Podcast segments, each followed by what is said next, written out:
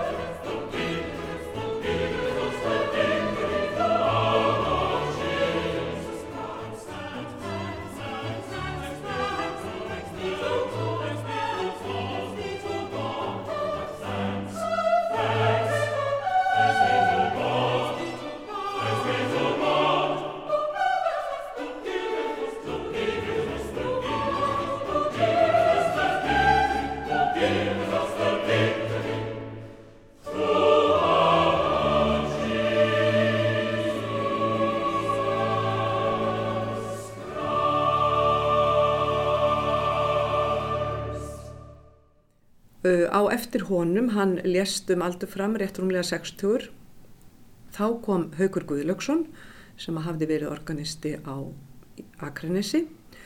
Og Haugur var auðvitað orgelikari par excellence og, og, og hérna korstjóri og er uh, mun núna á uh, annan í páskum fagnar sínu nýræðis afmæli og hann lagði mjög drúgt að mörgum við í raun og veru svona kennslu og uppbyggingu organistastarfsins og kórana sérstaklega út á landsbyðinni.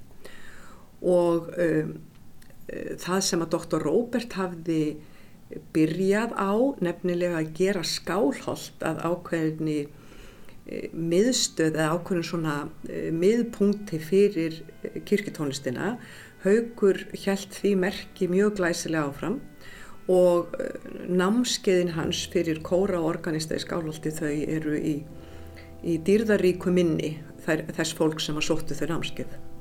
Svo varð smá hlið eftir að uh, Haugur uh, Guðlásson hætti og síðan voru þarna ákvæmna breytingar og uh, næsti söngbánastjóri var Hörður Áskelsson en bara í hálfu starfi, maður vísum með svona verkefnistjóra með sér en það svona var auðvitað ekki sami það var ekki hægt að gera það sama í halvustarfi og heilustarfi en hörður lagði mjög mikið á mörgum hvað það varðaði að uh, þar sé hann held auðvitað áfram námskeiðahaldi og svoleiðis en hann uh, vann upp svona rafrænan gagnagrunn með efni fyrir organista sem að var mjög framsæki líka og nú er verið að byggja ofan á það og síðan hætti hann störfum og þá var líka í nokkur ár engin þannig að uh, ég tók þessu starfi árið 2014 og er sem sagt fyrsta kvenkins fyrsti kvenkins söngumálastjórin En það er nú vel að segja vikið að á 8-10 árum að þá eru 5 manns sem gegna þessari stöðu. Já, menn hafa ekkert flúið ennbættið sko ef þeir hafa ef þeir hafa ef, ef þeim hefur verið treyst fyrir því sko og auðvitað, þannig séð bara mjög áhugavert uh, sko hvert umfang og starfsvið þessa ennbættis hefur verið og meðan að kirkjan var ennþá sko hluti sem sagt af ríkisapparatinu þá var söngmálastjóra ennbættið sem sagt sérstakt ennbætti þá uh, af halvu ríkisins mm. síðan 1997 þegar að breytast lögin og kirkjan verður sjálfstæðum alls sín innri málefni þá þetta fer það starf á, inn, bara inn í störf kirkunar sko og var ekki lengur starf á vegum ríkisins. Mm. En þetta er auðvitað mjög fjölbreytt starf og, og um, allt frá hatti og hann í skó og, og, en það sem var svona ég hef reynd að leggja áherslu á er um, annars vegar þessi þjónusta hvað var þar að halda námskeið fyrir uh, organista og fyrir uh, uh, barnakorastjóra af því að það hefur svona verið eitt af mínum hjartansmálum að ebla það að kirkjur hafi líka barnakora af því að það auðvitað er bæði náttúrulega indislegt á allan máta og það gefur sko börnum mjög mikið að vera í svona stöðugu starfi og eignast, ef þau hafa gaman að því að syngja, eignast svona ákveði heimili í kirkunisni til þess. Og það hefur, og ég veit það af, af reynslu að það auðvitað bara margar, það hefur mikil áhrif á krakkar sem að alast upp í söngstarfi í kirkju. Og það er auðvitað fullt af börnum sem að hafa engan sérstakann áha á því að keppa endalust í íþróttum og vilja frekar vera í einhverju þar sem er ekki svona þessi keppnisandi svífandi yfir vötnunum og þá auðvitað er kórstarfið alveg dásanlegt en auðvitað er það þannig að allt öðrum ástæðin þá náttúrulega hefur barnakórastarfið við grunnskólan að hnignað mjög sem er auðvitað mikið áhyggjöfni og kannski en kirkjurnar hafa svona aðeins uh, bjargað einhverju þar.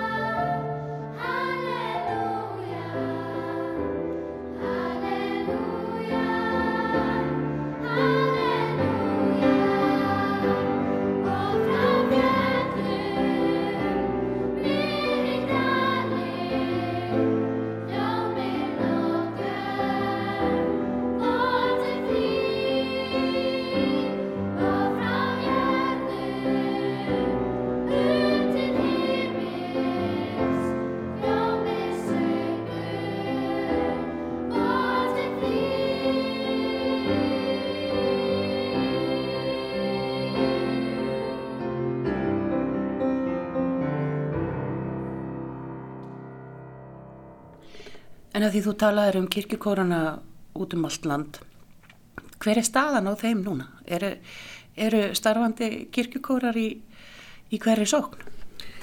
Sko það liggur nú við að maður getur bara sagt já við því.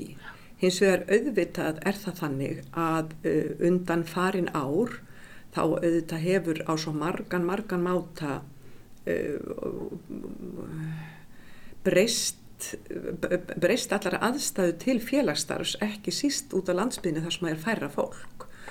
Og um, um, það er samt sem áður sko mjög mikil tryggð í þeim sem syngja í kirkjugór og þess vegna er það sko jákvægt merki þegar að fólk ef það bara uh, getur borið sér um uh, sæmilega þá sko heldur það tryggð við kirkjugórin sinn og það er auðvitað stórkoslegt og á mjög mörgum stöðum er kirkjukórin sko tryggast í kjarni safnaðarins, það er oft þannig.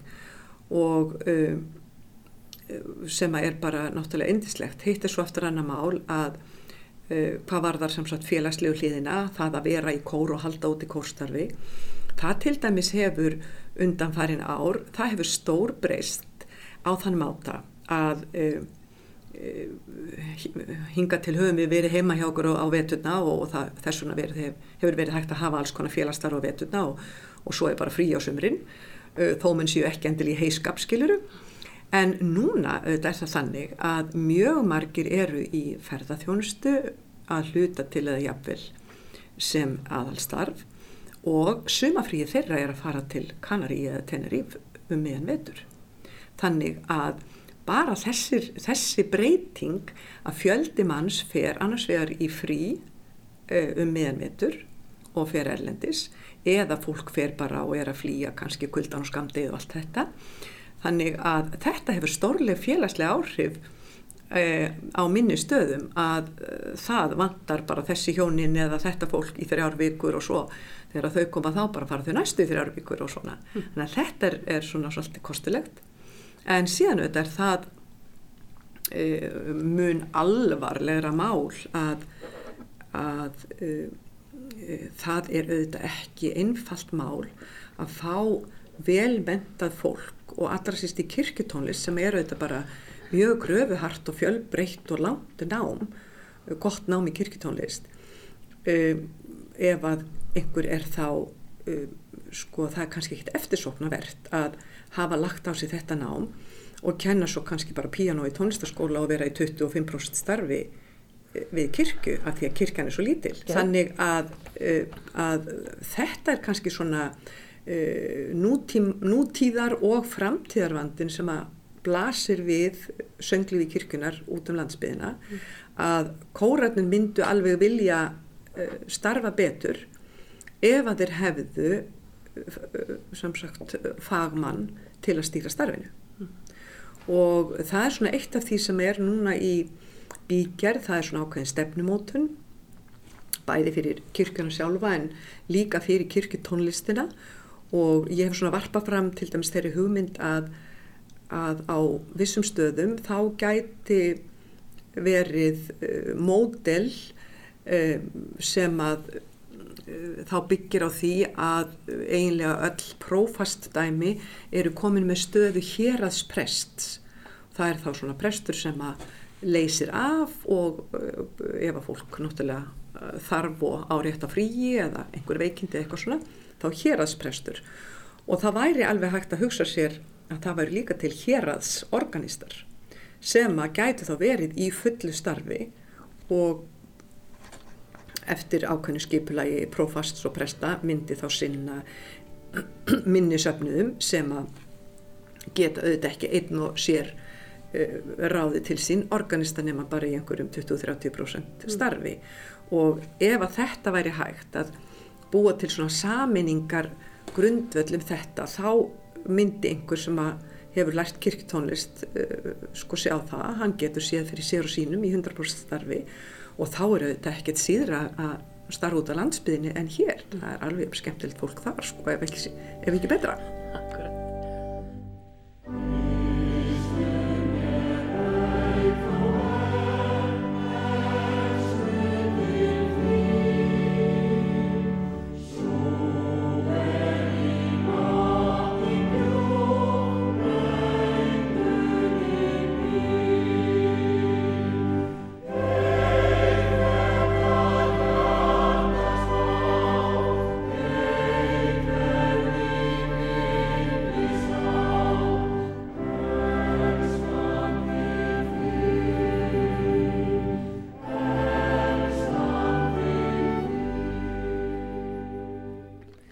Hversu mikið svona ert þú að skipta þér af því sem að er sungið og, og, og flutt í kirkjum? Er ringt í þig og, og fólk bara á einsóinu og bara þeir voru að syngja þetta vissur þá og tekur þá upp síman og skammar eða hvað? Má syngja allt í kirkjum? Sko það fyrra er reynda rétt hjá þér. Að það er stundum ringt og jafnvel á einsóinu og spurst mátti þetta? Mm en uh, hið segna er nú ekki rétt. Ég er ekki sko sálmalöggan þannig að það er nú ekki þannig að ég veiti þessu áfram og, og, og lesi einhverjum pistilinn fyrir það hvað hann hefur sungið og spilað í, í helgihaldinu. En við auðvitað náttúrulega höfum alls konar samráðsvettvang kirkutónlistafólkið eh, organistar og, og hérna og það er samsagt til það sem heitir kirkutónlistarráð sem er þryggjamanna ráð og eh, sem er svona fagráð fyrir söngmannastjóra og er líka stjórn tónskóla þjóðkirkunar sem að bendar organista mm. og við höfum heilmikið samráð og auðvitað er svona umræðu síður og svoleiðis þar sem að menn náttúrulega spjalla um það bæði þeir sem kannski eru yngri spyrja á síðunni hvað ætti ég að spila? Og ég minnist til dæmis organista sem að var að byrja og saði nú er ég að fara að spila mína fyrstu útför. Hva, hvað á ég að spila sem forspil og eftirspil? Mm. og það eru þetta bæði fallegt og, og nöðsynlegt að hafa uh, vettvang þar sem að getur spurt kollegana sko, hvort sem það er nú á Facebook eða bara ringja en uh, auðvitað er það þannig að sko uh, semst mitt svar í raun og er þetta, nei það er ekki sama hvað sungi í kirkju. Og uh, ég hef sagt sko það er ekkit vita til þess að Guð almáttugur hafi meirið að minni velþóknun á mismunandi tónlistarstílum. En það er auðvitað mjög eðlilegt að vera ekki að syngja texta sem að eru á skjön við þann boðskap sem kirkjan boðar. Það er sem sagt í því fælst svarið að það er ekki sama hvað sungið í kirkju. Mm en uh, sko uh, þú veist tónlist frá tímum Jóhann Sebastian Bach og, og tónlist eftir Pál Ísólfsson og okkar uh, kirkju hérna, tónlistarmenn og svo bara gospel sem að kemur frá bandaríkjónum og blues og, og, og þungarokk og það er auðvitað búið að halda Eh, messur með tónlist eh, Leonards Cohen og með tónlist Abba og með tónlist ég veit bara ekki hvað sko. Og þetta er allt í lægi sko, þú veist, þetta er bara fínt. Mm. uh, fyrir sko, það er bara sko, við fagnum fjölbreytninni. En auðvitað samt sem áður er það þannig að uh, uh, sko með alla hluti og ekki auðvitað síst kirkjuna, maður er stundum sagt og það er ekki mín, eh, ég fann það ekki upp að segja sko, kirkjan er auðvitað eins og, eins og stort eh, skip sem ristir djúft og þú eh, sviftir því ekkert til, svo glatt. Og uh, trúar þörf og trúar yðkunni fólks er líka eðlimálsinn samkvæmt lang flestu fólki bara heilagt. Og maður á auðvitað ekki að trappa á því með einum, einu eða öðru móti korki í tónlisni tali en sko ef að hlutinir eru rétt lagðir fram, rétt settir fram þá auðvitað er einhver sem að sér að það eigi að vera messa með uh, tónlist eftir U2 og menn flikkast til kirkju og aðri hugsa með sig já ég fæ bara einhver aðra kirkju uh, þessa helgina. Og það er bara hitt besta mál. En, en sko uh, það kirkja náttúrulega stendur fyrir ákveðna hluti uh, sannlega í tekstum sínum og svo auðvitað á hver einasta kirkja og íslenska kirkjan og skandinavisku kirkjurnar og evrópsku kirkjurnar uh, lútersku eiga náttúrulega sameigilegan mjög stóran tónlistararf sem að aftur bandarísku kirkjurnar uh, eða afrísku kirkjurnar og asísku kirkjurnar eiga ekki.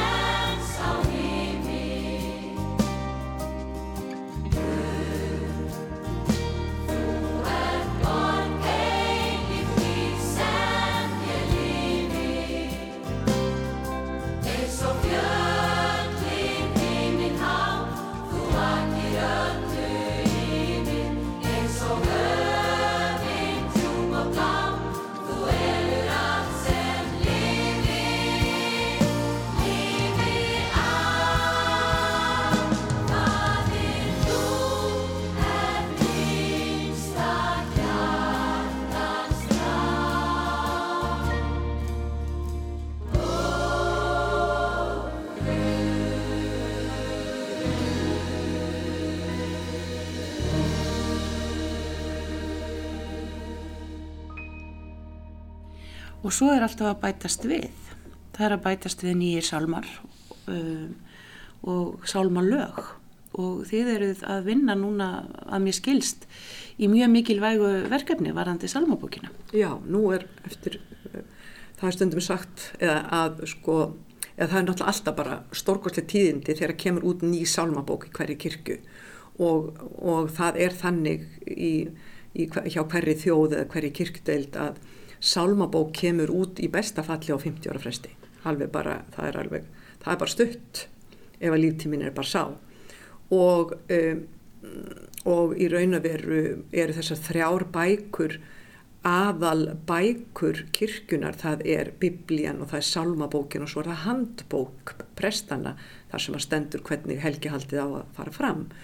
Og af þessum þremur bókum eru þetta salmabókin algengasta bókin og, um, og sem sagt um, heimilis guðræknin hér áður fyrr og, og, og Sálmabókin heitir Sálmabók til um, söngs í, í, í, á heimilum og uh, Guðshúsi, nei þetta er nú eitthvað orðað öðruvísi en þessast, hún, það er undirstrykað og Sálmabókin er ekki bara fyrir kirkjun, hún er líka fyrir heimilin og þannig er þetta hugsað sko að því að auðvitað er ekkert svo langt síðan að, að menn komist ekki til kirkju þeir hafa bara heimiliskuðurækni en við erum semst að vinna nýri Sálmabók og það er búið að taka langan tíma og það er ekki fyrir það að við erum svo lött heldur við erum að vinna þetta mjög vel og þetta verður uh, þegar hún kemur sem að verður annarkot í lók næsta ás eða byrjun uh, sannsagt ásins 2022 þá verða þarna tæplega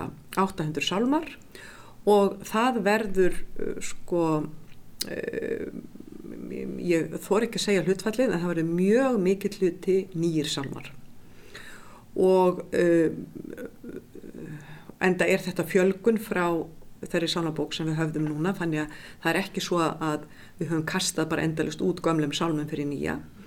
En það er svo skemmtilegt að um, Íslands tónskáld hafa verið bara mjög dugleg og ekki síður tónlist í e, e, tón, tónhöfundar í dægurgeiranum hafa bara samið alveg stórkostlega fjölda af lögum við ímist þektasálma eða þá að það hefur einhver sami texta og, og þess að spæði nýjan sálm og nýja texta. Og ég held að sé svona uh, eðlilegast að geta uh, frábærs samstarfs þeirra aðalstens Ásberg Sigurssonar og Sigurðar Flósasonar sem að tóku það bara upp hjá sjálfum sér að uh, fara í samstarf og aðalstitt samti nýja sálma og Sigurður lögin. Og þetta eru, þetta eru, þetta eru, frábærar afurðir og lang flestir sem að þeir uh, sömdu og eru líka útsett fyrir kór og það er búið hérna uh, syngja þetta á geisladisk sem að þeir voru svo raustanlegir að gefa organistum landsins þannig að þeir getur kynst þessari tónlist. En mjög margir þessar sálma verða í nýri sálmabók og það er gífilegu fengur að þeim af því að það er bara ferst tungutak og, og, og fersk lög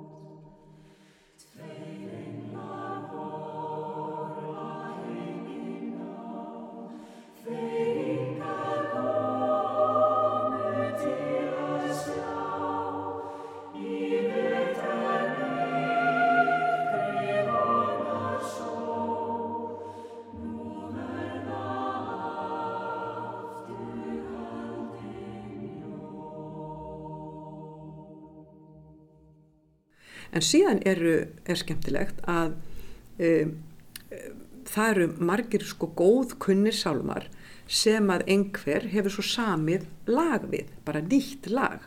Og oft hefur kannski eldra lagið verið svona kannski svolítið þunglamalegt og eitthvað veriðulegt þýst lúterslag eða eitthvað svona.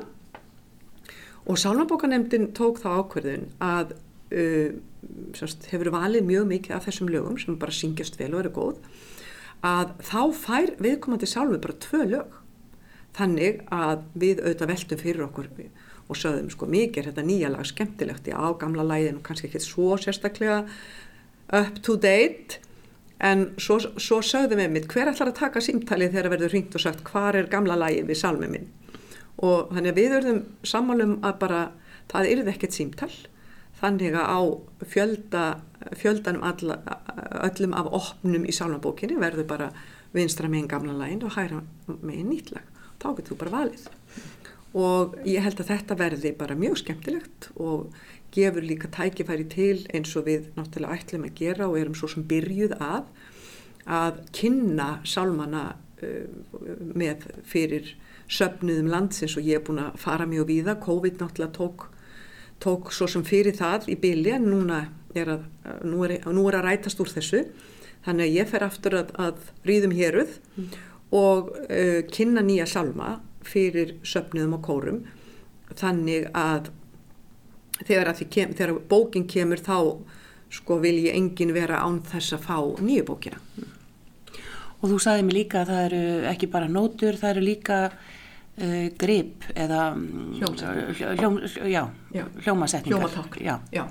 Það er líka stóra ákvörðun sem var tekin og hún var tekin þegar við vorum uh, velulagð af stað í þessa vinnu og við svona uh, hérna tókum mjög mikið mið á norsku sálmabókinni sem er nýjasta sálmabókinna á Norðurlandunum og kom út 2013 og við tókum svona talsvert mið af henni bæði hvað varðar stærðina og, og, og hvað ætti að vera þungur pappir og letin og letrið og, og brotið og allt þetta. Og þeir sagt, þeirra sálmabók er ekki hljómsett. Svo gáðu þeir bara út það sem er kallið kóralbók sem er undirspilsbók og svo gáðu þeir út enn aðra undirspilsbók sem er þá með hljómataknum og svo er svona norrænt samstarf er nú til ansi margar að hluta neitsamlegt og svo var ég á einhverju þessara norrænu ráðstefna og var að segja frá okkar vinnu og, og þá segir þessi normaður sem var þarna og var einn af þeim sem var í sálabókanem þá segir hann má ég spyrja ætliði að hafa hljómaták við sálmana? Og ég segi nei, við ætlum ekki að gera það þið gerir það ekki heldur. Þá sann, ég ætla bara að segja það að það er það sem við sjáum almest eftir í allri okkar vinnu. Og ég bara hvet ykkur eindreið til að skoða það vegna þess að nótkunnin og nýtingin á sálambókinni verður bara allt önnur ef þú þarft ekki að hafa einhverja bók til að spila Þannig að ef að þú ert einhver staðar og það er skýrt og það er einhver sem kann á gítar og getur lesið hljómatál, þá þarf hann bara sálabókinn, þá getur hann spilað undir þó hann kunni sálminn ekkert mjög vel. En ef þú kant ekki sálminn mjög vel og ert þjálfaður í að spila eftir eiranu, eins og maður segir, annarkot á gítar eða einhvert hljómborð, þá getur alls ekki spilað það. Það þú þart hljómatáknin. Og það urðu bara miklir fundir þegar ég kom heim með þessi skilabók og eftir að við vorum búin að velta vengum yfir þessu þá var niðurstaðan þessi að við myndum gera þetta því að það eruðu lágmark 50 ár þá til að kæmi út næsta bók og það væri mjög mikil ábyrðar hluti að taka ekki marka á þessu en þetta auðvitað líka hefur senkað vinnunni, það er alveg ljóst Þú talar um uh, 800 salma voru, það voru einhverju salmar sem að fengu ekki framhalslíf í þessari bók hvernig hérna eru það bara salmar sem að hafa bara lend einhvern veginn bara til liðar og enginn syngur eða flytur lengur? Já, sko, tvei, það er tvær ástæður. Annars vegar er salmurinn með svo vond lag að það er, eins og við kallum segjumstundum, ósyngjandi lag. Þar á leðandi er salmurinn ekki notaður, af því að það er bara alveg vonlist að syngja hann. Um, í þeim tilfellum, ef við töldum salmin vera góðan, þá höfum við leitað bara með logandi ljósi bæði hér, hérlendis og erlendis að nýju lægi og mjög oft fundið. Mm. Um, aðri sálmar eru auðvitað kannski bara svona með tungutaki síns tíma og, uh, og passa bara ekki lengur. Þeir eru kannski bara svolítið tyrfnir og, uh, og við sem sagt sögðum oft um, hversu marga blaðsir höfum við í bókinni um, miða við að geta bætt við nýjum sálmi fyrir næstu 50 ár þarf þessi þá að vera næstu 50 ár og stundum var svari já og stundum var svari nei. Stundum líka uh, voru sálmandir endurskoðaðir og það var breytt um eða feld út erindi. Ef að sálmunin hjælt tilgangi sínum en var átta erindi þá kannski fóru þrjú út mm. af því að stundum er það þannig að þó að sé auðvitað hægt að stitta sálma þá stundum er það þannig ef að organistin eða presturinn er að velja sálm og sér átta erindi, nei, heyrðu, ég fletti fram hjá. Þannig að sko maður þarf svona að uh, vega þetta og meta. Hins vegar eh, semst á ákveðinu skeiði í sálmabókavinnunni þá byggum við til lista sem að voru held ég 150 sálmar sem að við svona uh, gerðum tillögu um, hvað við segja, bara já, vill fólk, hvaða skoðun hefur fólk á því að þessi sálmar séu áfram eða feldir út.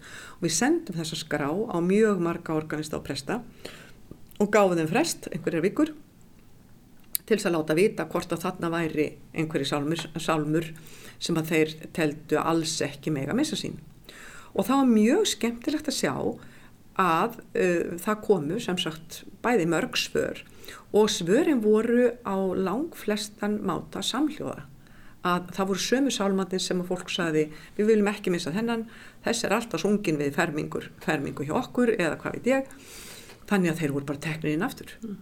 en, en sem sagt líka sömu, sömu sálmandir sem að enginn uh, hérna lifti upp hendi til varnar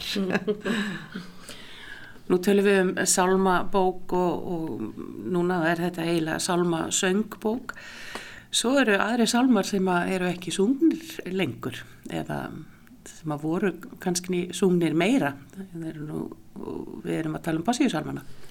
Já, passíusalmana eru auðvitað alveg einstakt eh, fyrirbríði ef maður bara getur nota það orð sko þessi, þessi fjársjóður í öllu tilliti hann er náttúrulega svo einstakur að það, er, það verður varla til jafnað sko. og, uh, og það sem er líka merkilegt er það að orðfærið frá þessum tíma það er ennþá svo kingimagnað og að uh, málið skuli þó ekki hafa breyst meira þannig að það bara höfðar til okkar og höfðar auðvitað öðruvísi til okkar af því að það er stöðlað og rýmað mm. og þegar að þessi taktur kemur í, í, í orðin þá magnast þau upp þó þau séu bara lesin.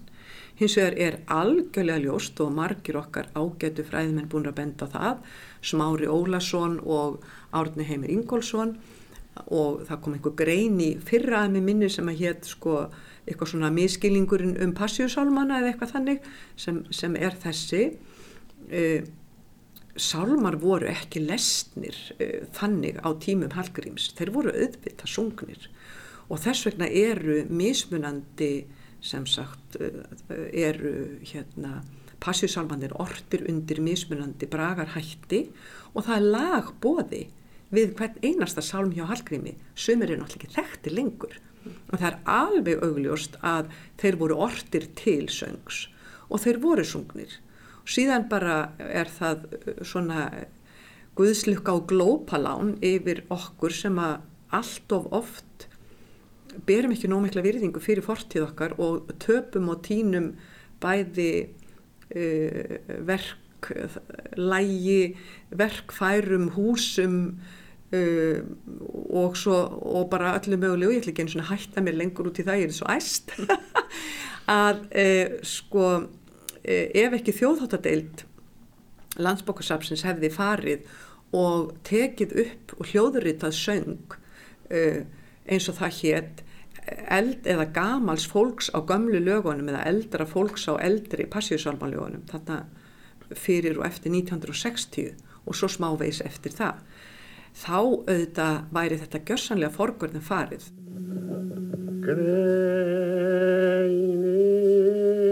ég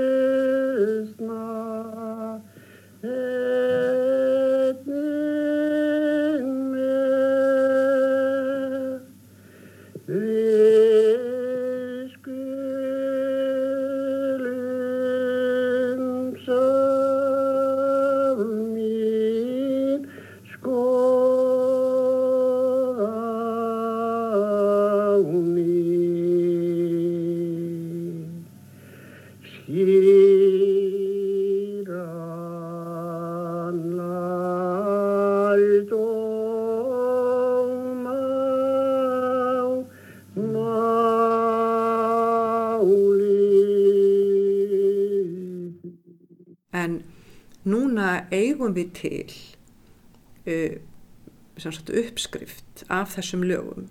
Fyrir svo utan það að það er auðvitað líka alveg stórkoslegt hver mörg yngri tónskáld og alla týr hafa samið uh, lög við mismunandi vers og passíusalman við höfum þetta bara frábær lög við passíusalmana úr samtímanum og heila Hallgríms passíu eftir, eftir Sigur Sæfarsson sem er stórkoslegt verk og, og fleira og fleira með krossin spyrði Kristur í hausastaf.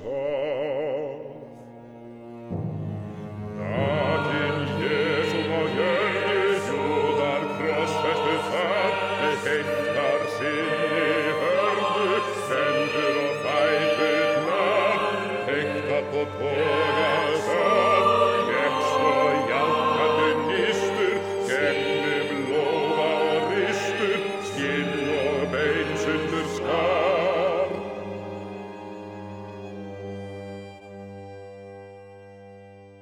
en hérna sko það er svona eitt af því sem að væri mitt hjartansmál sko árið 2024 þá er aftur ártíð Hallgríms Péturssonar. Það er ekki fyrir 26 sem að er svo ár, svona ákvæði Amali Passíusálfana þeir voru fyrst gefnir út 1666 en það væri mjög gaman og, og verðugt held ég að til dæmis að Ríkisútvarpið ætti í safni sínu fallegan fluttning á þessum gömlu passíusálma lögum. Ég held að það sé bara eitthvað sem við bara verðum að bæta úr það. Þetta er, þetta er bara eitt hluti af þessari þjóðargersemi sem passíusálmanir eru. En það hefur nú skapast svo hefða að hérna flíti þessa passíusálma á förstæðin langa og, og þú býr nú svolítið vel núna Margret. Þú býrð á Sörbæ. Já, þetta er náttúrulega dásamta staður og, og, og hérna það er nú meiri sér þannig að uh, maðurinn minn fer í Hallgrímskirkju í Sörbæ kvölds og matna klukkan 9 og klukkan 6 og er þar með morgunsöng og kvöldsöng. Og núna á förstinni þá lesa hann eitt passjúsalm á hverjum degi og ég, ef ég er heima þá er ég að sjálfsögðu þar með. En uh, auðvitað bara vona ég og hlakka til að því að veita það er, er mikil áhug fyrir því hjá bæði sem sagt sóknarpresti og sóknarnemnd að, að ebla bara enn meir svona menningatengda kirkjuviðburði í Sörbæ ég er bara hlakka til að leggja mitt lóð á vogarskálina þar. Mm. Annað sem er tengt uh, försteginum langa það er uh, ljóðaðanstafís uh, Stefánssonar, ég kveikja kertum mínum eða ég mannum ekki hver, hver er fyrsta erindi, það heitir á förstegin langa. Já það er bara langt og mikið kvæði og ég man ekki fjölda erindana en þau eru mun fleiri en, en eru í sánabók og kvæðið heitir áfæstutæn langa og það auðvitað er náttúrulega sungir að sjálfsögðu áfæstutæn langa algjörlega ómissandi þar og auðvitað mjög oft við jarðafæri líka. Það er þetta guðdómlega lag eftir uh, Guðrúnu Böðvarsdóttur sem að uh, dó ung og samdi þetta lag held ég 17 eða 18 ára og ég má eiginlega til með að segja þér fyrst þú nefnir þetta svolítið skemmtilega sögu sem að uh, sem að við uh, urðum uh, áskinja um þegar að í þessari sálmabókavinnu og hún er svo að auðvitað er þetta lag að sjálfsögðu bara á sinn sess í sálmabókinni og þetta er svo fallegt lag og uh, maður svona, það alveg hristlast um mann þegar þetta er fallega sungið og þetta er náttúrulega í raun að veru kórlag uh, og glæsilega þessi kórútsetning. Og það hefur engin veld neinum vöngum yfir því hvaðan hún er komin. Og uh, kannski hafa mér bara haldið að Guðrún hafi gert hana. En hún var alls ekki það mentuð í tónlist þó hún semdi þessa fallegu laglínu að hún hefði haft nokkra möguleika á því að gera svona uh, einstaklega góða kórútsetningu sem að, mínu mati er stóra ástæða þess að þetta lag hefur orðið svona ástfólkið af því að það er svo flott í kórsöng. En í fyrra, þá sem sagt var uh, Guðssonusta líklega bara á fyrstæðin langi eða í Dimbilvíku á uh, dvalarheimilinu Eyr og þar dvelur og er búsettur Jón Áskersson tónskáld sem er hinn hressasti og orðin rúmlega nýræður. Og þegar að messinu loki þá fer organistin að spjalla við hann og, og þá segir Jón já ég rættsetti þetta nú hann þegar ég var í tónfræði tímum hjá Viktor Urbansits. Og uh, hann kemur þessum uh, bóðum áliðis til einhvers okkar í nefndinni og, og, og við förum að ræða þetta og segir, segjum að þetta sé náttúrulega alveg ólíkindum ef að, ef að enginn hafi nokksunni vitað um þetta stórglæslega verk Jóns. Þannig að ég var svo heppin að fá það verkefni að fara og heimsækja Jón og spurja nánar út í þetta og þá saðan mér þetta Mömmur þeirra voru vinkonur, mamma Jóns og mamma Guðrúnar og Jón var í tónfræðitímum og líka eitthvað 17-18 ára gammal og mamma Guðrúnar kom til mömmu Jóns og sagði hérna, Guðrún, dótti mín var að semja þetta nokkuð lög heldur ekki að strákunni þinn bindi kannski vilja bara prófa að ratsetja þau. Þannig að mömmurnar auðvita bara komið þessu til leiðar og Jón ratsetti þetta og svo fór hann með þetta í tíma og hann sagði við mig Já, Úrbi saði nú ofta ekki mikið og svo spilaði hann fyrra læði gegn og hann saði ekki neitt. Svo spilaði hann þetta og, og þagði smá stund og svo saði hann, þetta er bara gott hjá þér. Og svo saði Jón, hann var nefnilega nýbúin að vera að kenna okkur um ratsettingar Jóhann Sebastian Bach. Þannig að ég svona tók svolítið mið af því. Mér finnst þetta svo sætsaga og mikilvægt að vita að um þetta samstarf þeirra Guðrunar og Jóns og bara að þetta framlag Jóns skul ekki uh, hafa horfið í gleimskunat á. Mm. Og já, og uh, það verður úr eitt, uh, já, ástsælasta salmalag og salmur sem að, að sungin er í íslenskum kirkjum. Margreit Bóastóttir þakkaði kjalla fyrir spjallið og, og þessar góðu upplýsingar við skulum enda þáttinn á þessu lægi, þó það sé ekki fyrstagurinn langi, þá stelust við hér, tökum smá fórskot á sæluna. Takk fyrir og þanga til næst hafið það sem allra best. Yeah.